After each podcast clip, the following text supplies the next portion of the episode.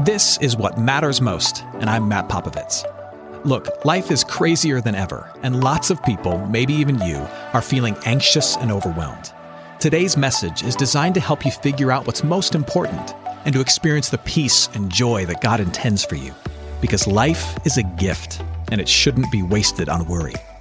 I'd like to give you a resource, something to help you navigate the road ahead.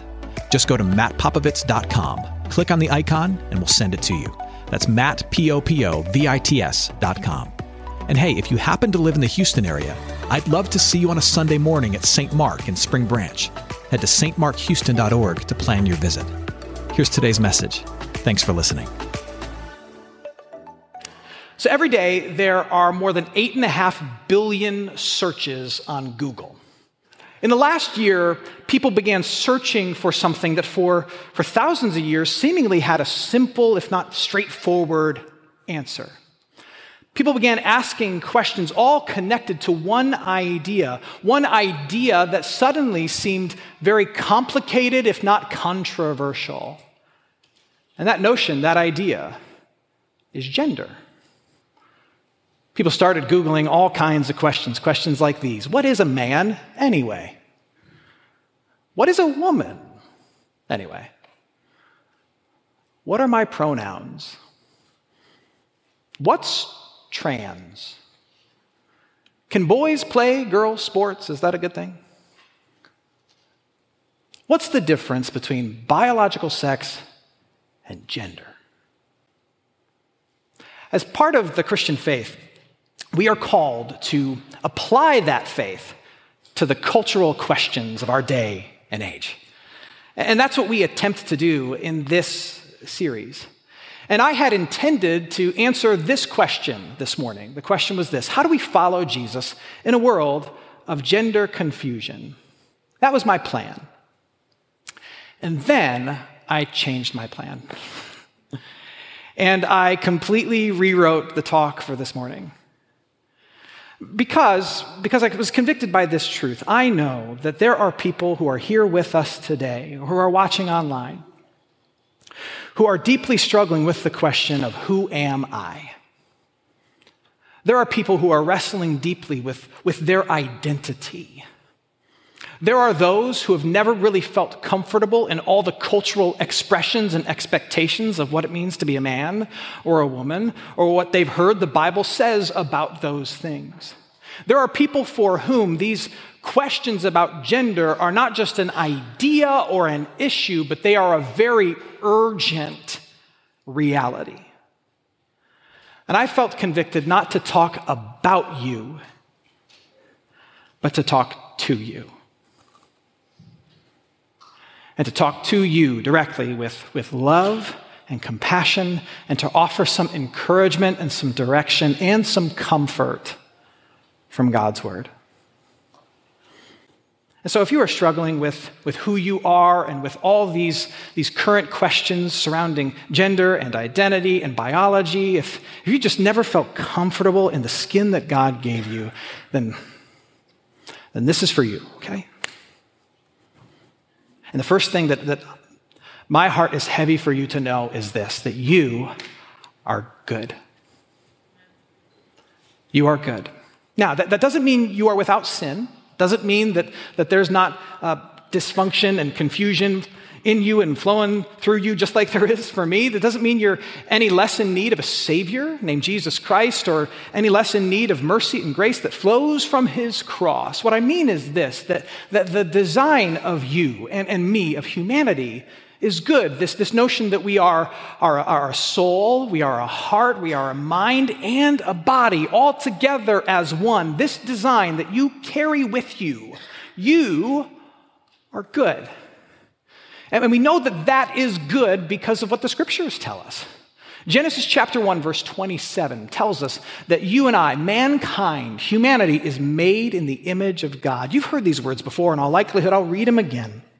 Genesis 1:27 says, "So God created mankind in his own image, in the image of God he created them." So what does it mean to be made in the image of God? Well, there's there's like a a complementary aspect of humanity that together reflects the image of God, apparently, because the next line is this male and female, he created them. You are made in the image of God, you, the whole you, heart and mind and body. The whole you is a reflection of the glory and the goodness of God. There are other parts of you that reflect God's glory your, your capacity to create, your capacity to love, your ability to have compassion, any part of you that hungers or thirsts for righteousness and goodness and truth, all of that is part of you bearing the image of God. But so is your maleness, so is your femaleness, so is your flesh and your blood. All of it together reflects the glory of God. You are good. In that sense, you, me, humanity is sacred because we reflect the divine in a way that nothing else in all of creation does. And what should you do with something that's sacred? Should you despise it? Should you try aggressively to, to change it? Or should you, knowing that, that this is part of who you are, that all of you is made in the image of God, should you try over the course of a lifetime to come to terms with what it means to be you and to cherish and to celebrate and to steward every part of you, not just your heart and your mind and your emotions, but also your flesh and your blood and the biology that God has given you? All of it is who you are. And who you are as a human made in the image of God Though you may be sinful and broken and in need of a Savior, the design that God has given you is good. The other thing that you need to know is this, and this might sound a little confusing, but hopefully I'll make sense of it. You are one. We said that you're made in the image of God, so am I. And we like to talk about God in, in, in the Christian faith as being three persons, yet one God.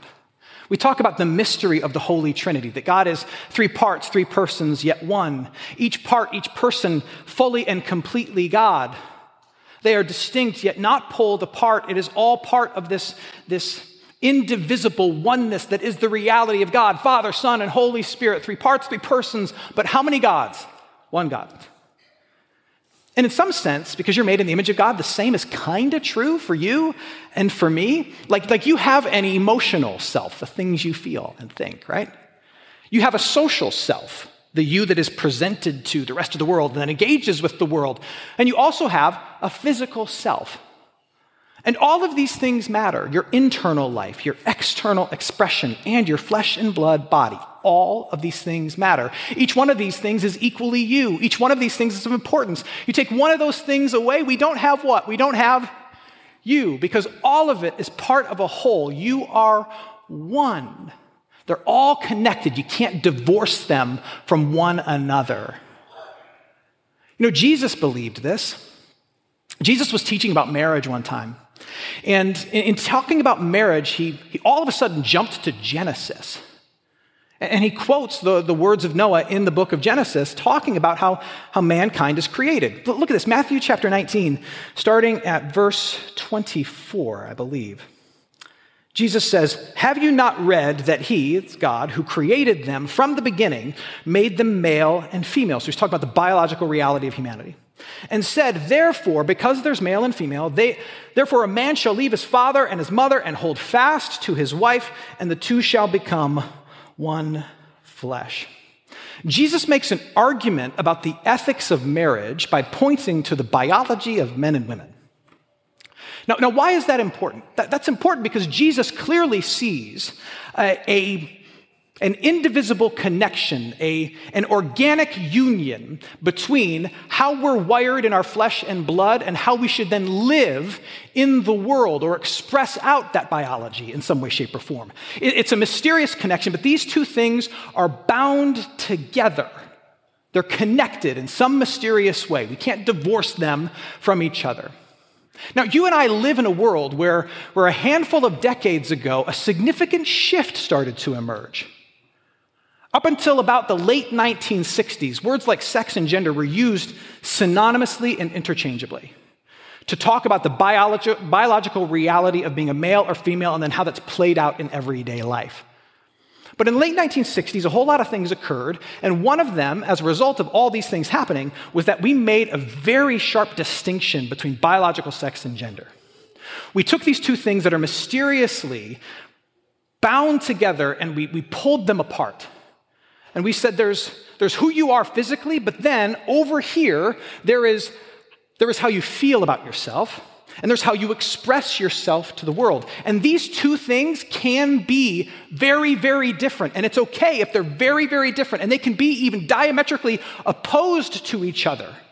And not only that, but this one, this one, the idea of gender, is, is kind of a playground for where you can discover who you are and define who you are. And this one is not only disconnected from this one, but this one actually is more important than this one. So if you feel a weight of anxiety and burden by this disconnect between your biology and your emotional reality and how you want to present yourself in public, which of these two should you change? You should change this one and make it normed by this one.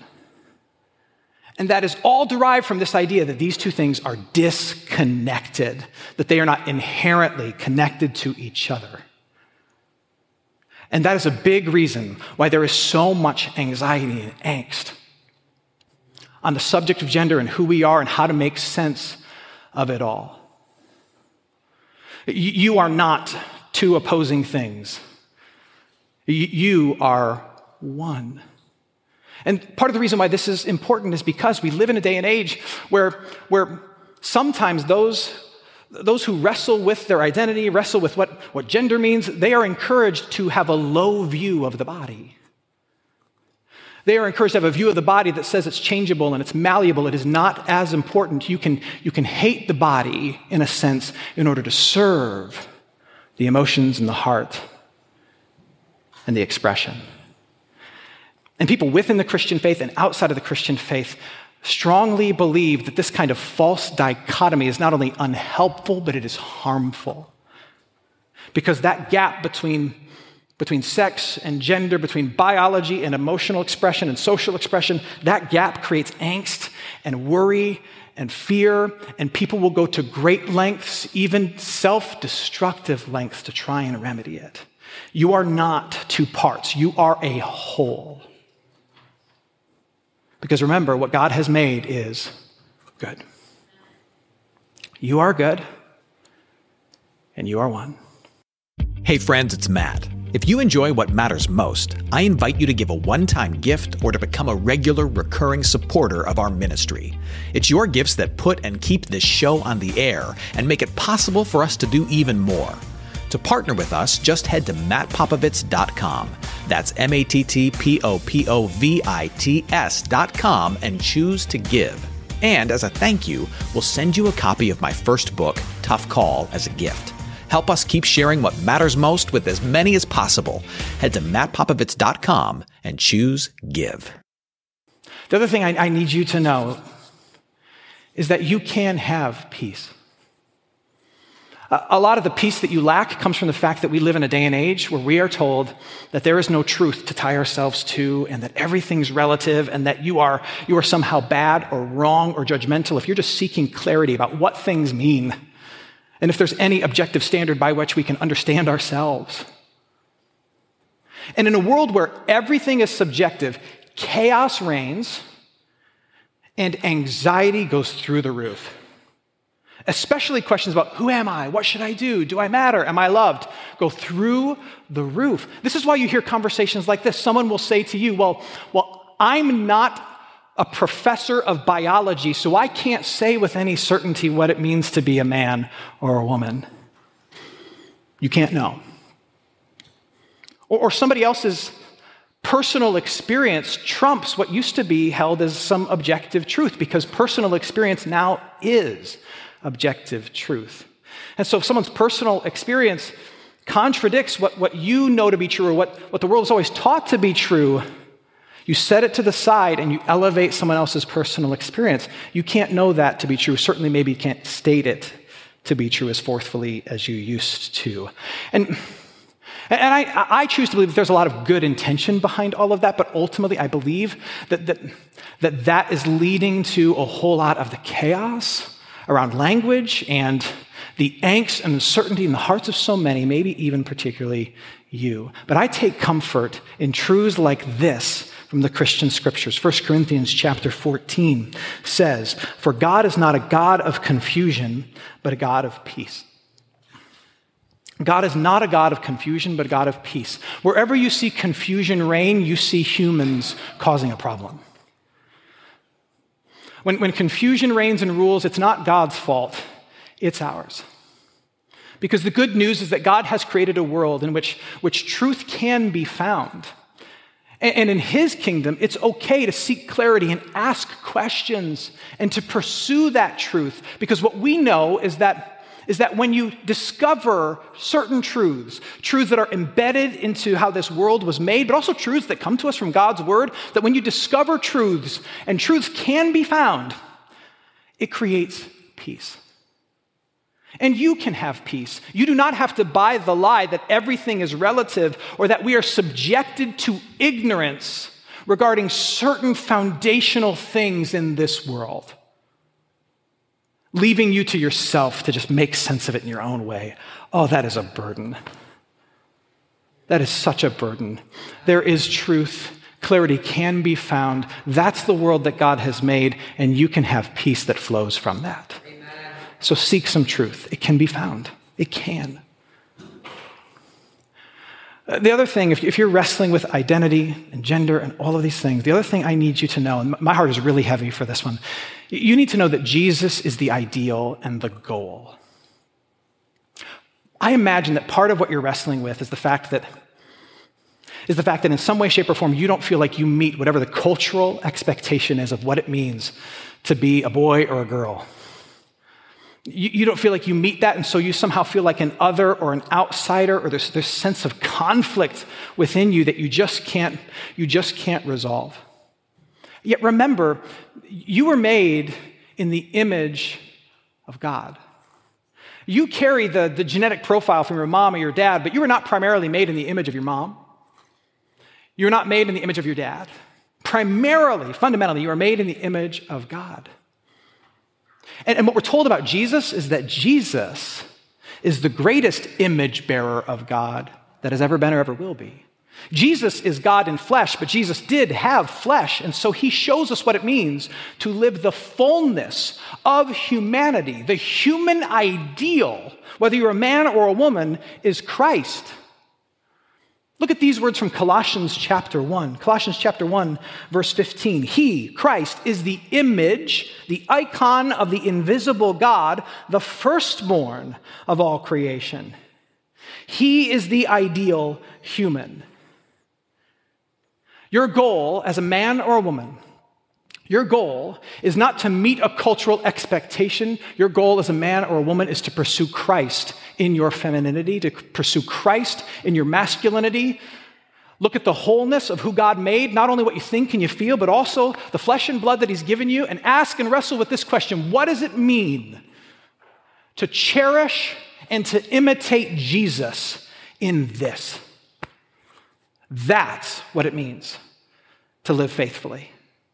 By the way, talking about Jesus, Jesus, Jesus lived in a day and age where he wore a tunic, which looks a lot like a dress. Jesus didn't have a job, and his bills were paid by women. And we're not out here questioning his masculinity, are we? Because what made him faithful as a man was something bigger than the car he didn't own and the job he didn't have. It was his willingness to embrace the responsibility to take on his shoulders the need to forgive the sins of the world and to sacrifice himself. That's what faithfulness looks like as a man or a woman. Jesus is the ideal and the goal. And we need to create a space in the church of all places for, for people to say, look, I, I don't, I don't fit the stereotype. Of, of what it means to be a man or what it means to be a woman, but I'm coming to terms with the fact that that's who God made me to be, and there's a way for me to still be faithfully that, even if I don't fit anybody else's expectation, because the goal is Jesus Christ. Amen. He's the goal. So there is space for you here, because the, the goal is Jesus. Amen. The next thing that you need to know, but I think part of the problem that you're having is that what I'm about to say you don't believe. You are loved. You are lovely. You are lovable. All of those things are true. That is your identity. Now, I use that word identity on, on, purpose because you and I live in a day and age, and I think this is a big part of why you're feeling some of this angst and frustration and, and, and confusion. We live in a day and age where we are told that your identity is something that you have to create. That it's something that you have to forge on your own, that you have to, you have to manufacture. And my goodness, I hope you realize that, that, that that's not true. And that is that is a burdensome, soul killing lie that, that you don't have an identity and with identity any worth apart from your own work. You do not have to make who you are. Your identity is given to you, it is given to you by God. And then your task is to discover it and celebrate it and come to terms with it and try to seek faithfulness within it. Your identity is given to you by God by, by giving you the flesh and blood that He's given to you. Your identity is given to you by God by giving you a family history, by giving you a culture and a community that you come from, and it's also given to you in the work of Jesus Christ applied to you. And in Jesus Christ, with, with his hope in your hearts and, and with, with the water of baptism on your forehead, the identity that you are given is that you are beloved and that you are brand new. That though you sin and you struggle, though death reigns in this world and it's attacking your body, you are not owned by those things. You are defined by the work that's been done for you and given to you in Jesus Christ that that's the truth of who you are. And by, because of what Jesus has done, you are loved. And I know that when you look in the mirror, you don't feel lovely. I know that when you look at your body, you don't feel like you love it. You don't even feel lovable like anyone could love you. But it's a good thing that your heart and your mind are not king because your heart and your mind are wrong. The king of the world has claimed you and he loves you, and you are loved. You don't have to define your own identity. And what the rest of us need to do is we need to, we need to, we need to, as a community of believers, we need to choose love and not outrage. We live in a culture where a lot of Christians are outraged at things that are happening. They're outraged at, at all the other questions surrounding gender and all the stuff that's changing in this world. But, but as Christians, we are, not, we are not to be primarily known for our outrage over things. We are called to, to choose outrageous love or the, over the outrage of our day. And I know you are here today and you're struggling with this, but there's a giant hole in this church where your friends and others who are struggling with you need to be. Because that's the church that Jesus builds. When the church decides to do this, Ephesians chapter 5, walk in love as Christ loved us and gave himself up, up, up for us, a fragrant offering and sacrifice to God. You can hold to what's true and you can be known for love. That's the tension that the church is called to live in, and you need to know that you are loved. He is ready to tell you who you are in a world that tells you, in a heart and mind that tells you there are no answers other than what you can forge with your own two hands. And He's ready to tell you that what He has made is good. He's ready to tell you that you don't have to live this disconnected reality, that there is wholeness found in Him, that you are one. And, and he's ready to tell you that the truth can be found and clarity can be sought and that that is of God and it's good to want those things. You don't have to float through this existence. He's ready to tell you that what it means to be faithful is to just pursue Jesus. Learn to not despise what God has given you. And in that, learn to glorify God through a pursuit of Jesus Christ with those things. And above all, he's ready to tell you that you are beloved today, tomorrow, and forever. Amen. Hey, it's Matt. I hope you enjoyed what matters most. Here's what I need you to know life is a gift, and it shouldn't be wasted on worry. I want to help you figure out what's most important and to experience the peace and joy that God intends for you. So for more content, you can head to mattpopovits.com. That's Matt, P O P O V I T S.com. There you can also support this ministry as well as access your free resource, a little something to help you navigate the road ahead. I'd also love to see you on a Sunday morning. If you're in the Houston area, head to stmarkhouston.org to plan your visit. In the meantime, hit me up on Instagram at mpopovits or at facebook.com slash Matt Popovits Ministries. Thanks for listening. Now go and hold tight to what matters most.